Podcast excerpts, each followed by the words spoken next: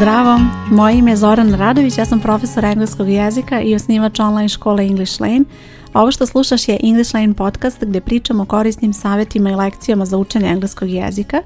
U ovoj epizodi pričat ću kako ne smeš da razmišljaš ako želiš da naučiš engleski jezik, to jest ovi savjeti će ti pomoći da shvatiš kako, kakav stav treba da zauzmeš kada je u pitanju učenja engleskog jezika da bi to zaista bilo uspešno. Nadam se da ćete me naučiti engleski jezik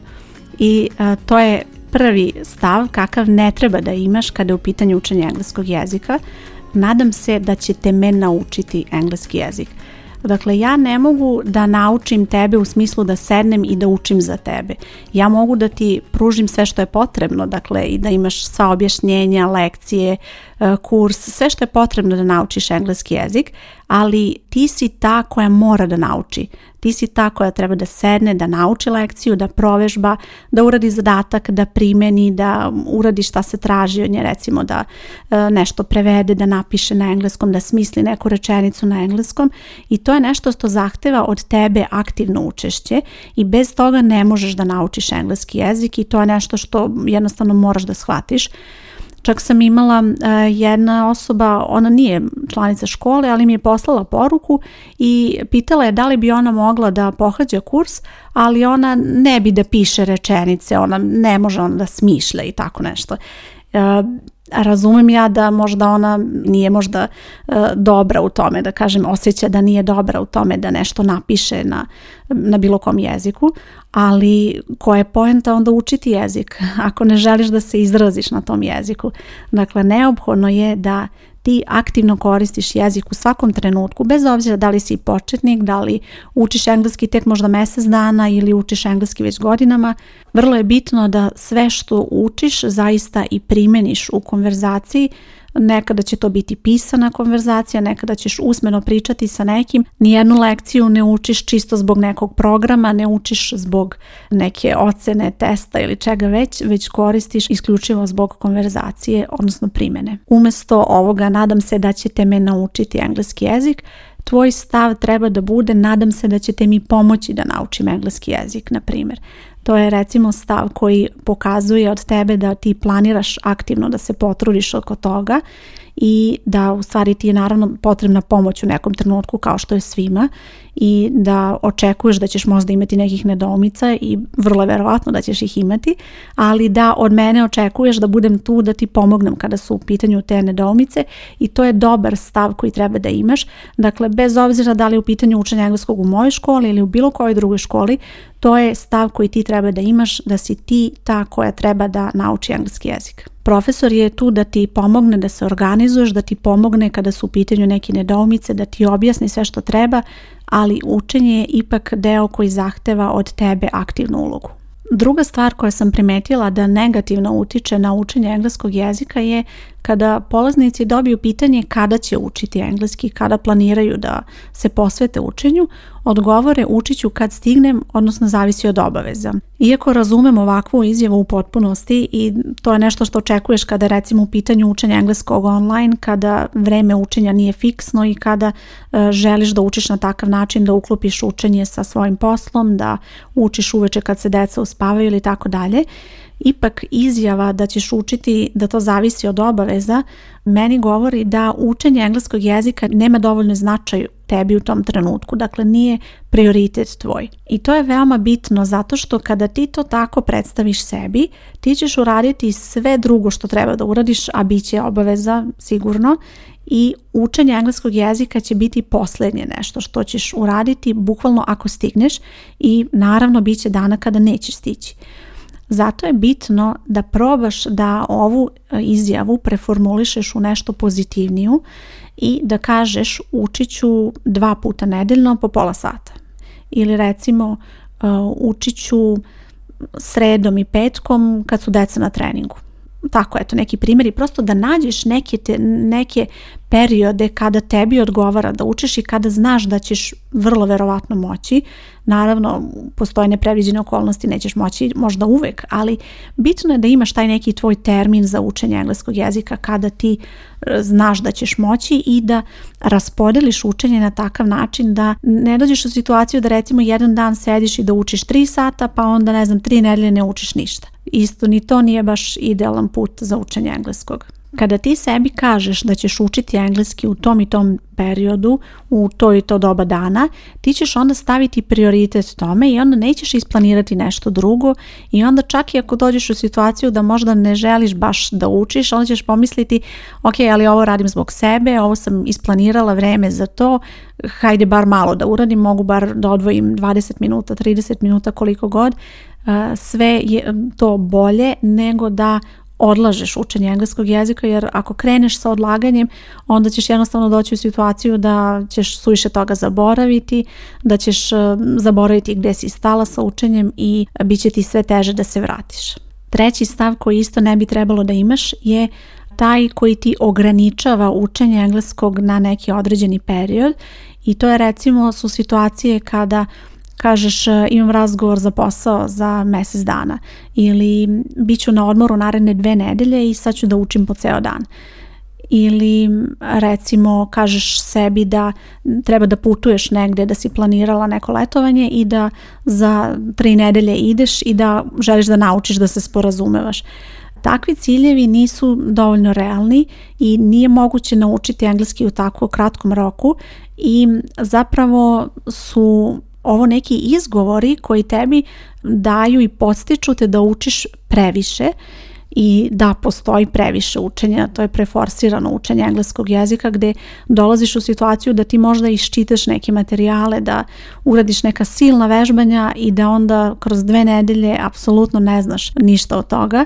jer e, jednostavno nije moguće naučiti toliko u tako kratkom roku i nije moguće naučiti sa razumevanjem. To je učenje koje će možda dati neke privremene rezultate i možda ćeš recimo vidjeti rezultat u vidu toga da si uspjela da uradiš neko vežbanje, ali dugoročno tu neće biti dobrih rezultata i ako zaista želiš da naučiš engleski jezik, ne smeš sebi da daješ takve neke e, kratke okvire i da sad očekuješ e, da naučiš engleski za bilo da je u pitanju par nedelja, pa čak i par mjeseci, to zaista nije uvijek realno i mnogo je realnije prihvatiti situaciju koja je takva da želiš da naučiš engleski jezik i želiš da se tome posvetiš dugoročno i da će to biti neodređeni vremenski period i da onda na taj način rasporediš učenje i da priđeš učenju na taj način da shvatiš da će to postati tvoja rutina i da ćeš stalno učiti i da ćeš stalno koristiti engleski jezik i to će ti omogućiti da zaista dobiješ dobre rezultate, rezultate kakve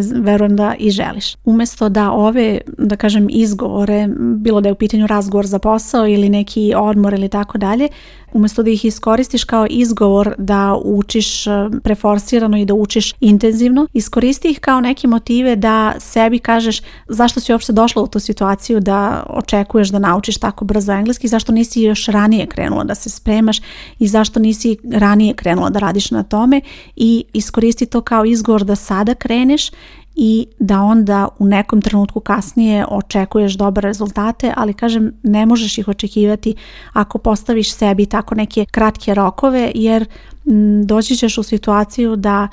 jednostavno preletit ćeš neki kurs ili nešto ćeš, neke lekcije ćeš silno isčitati, a nećeš imati praktično znanje. I sada kada sam ovo rekla i posle ove epizode verujem da ću dobiti neki email sa pitanjem koliko mi treba da naučim engleski jezik i to je pitanje koje sam dobila do sada jako puno puta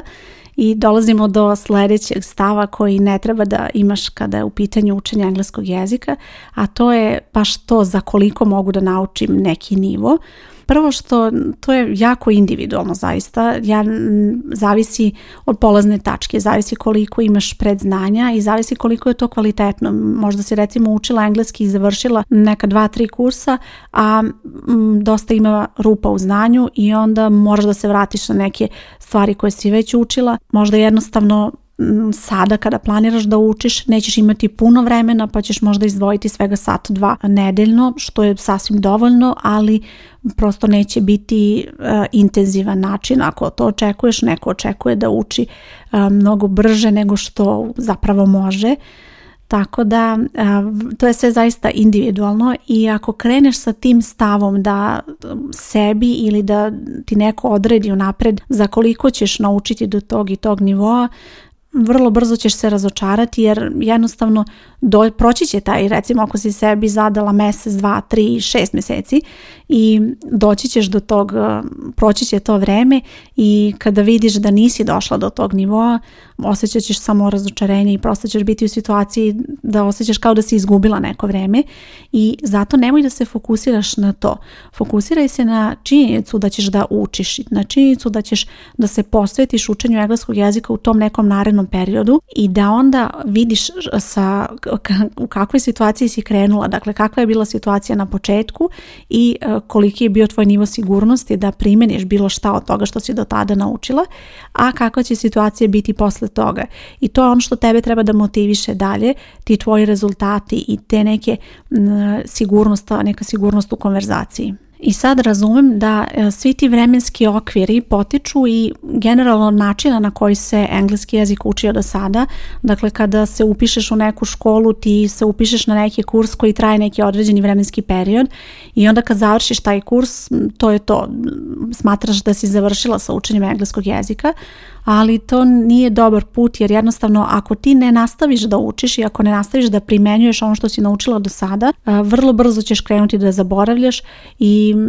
onda i taj kurs koji si završila više nema tu vrednost koju je imao, jednostavno nećeš više znati toliko koliko si znala. Zato je bitno da shvatiš da učenje engleskog ne treba da bude ograničeno na taj način, da ne treba sebe da ograničavaš tim nekim vremenskim periodom, već da jednostavno učiš dok god imaš želju, dok god imaš vremena i dok god imaš rezultata, to jest dok god vidiš da ti napreduješ i da je tebi vredno to što ulažeš, to vreme koje ulažeš Učenje engleskog jezika. još jedna stvar koja je bitna kako ne smeš da razmišljaš kada je u pitanju učenje engleskog jezika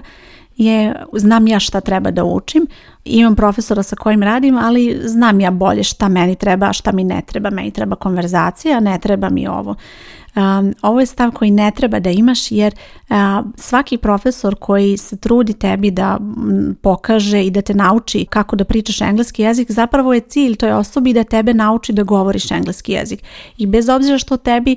sada čuješ na nekom času ili recimo ako ti profesor predaje lekciju o nekim imenicama ili o nekom pojmu iz gramatike, nije bitno, postoji razlog zašto osoba to radi i to sve što osoba priča je primenljivo u konverzaciji, iako možda tebi u tom trenutku to ne djeluje tako. Jer moraš da shvatiš ti u ovom trenutku možda znaš šta ne znaš. Možda verovatno pomisliš sad, pa nisam baš sigurna kad su u pitanju vremena, ja i ovaj član baš ne mogu uvijek da upotrebim, ali postoji toliko stvari koje verujem da ni ne znaš da ne znaš.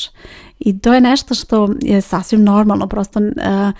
jednostavno moraš da budeš toliko dugo da učiš engleski jezik da bi znala, eh, da bi uspela sve to da naučiš. Zato je bitno da slušaš eh,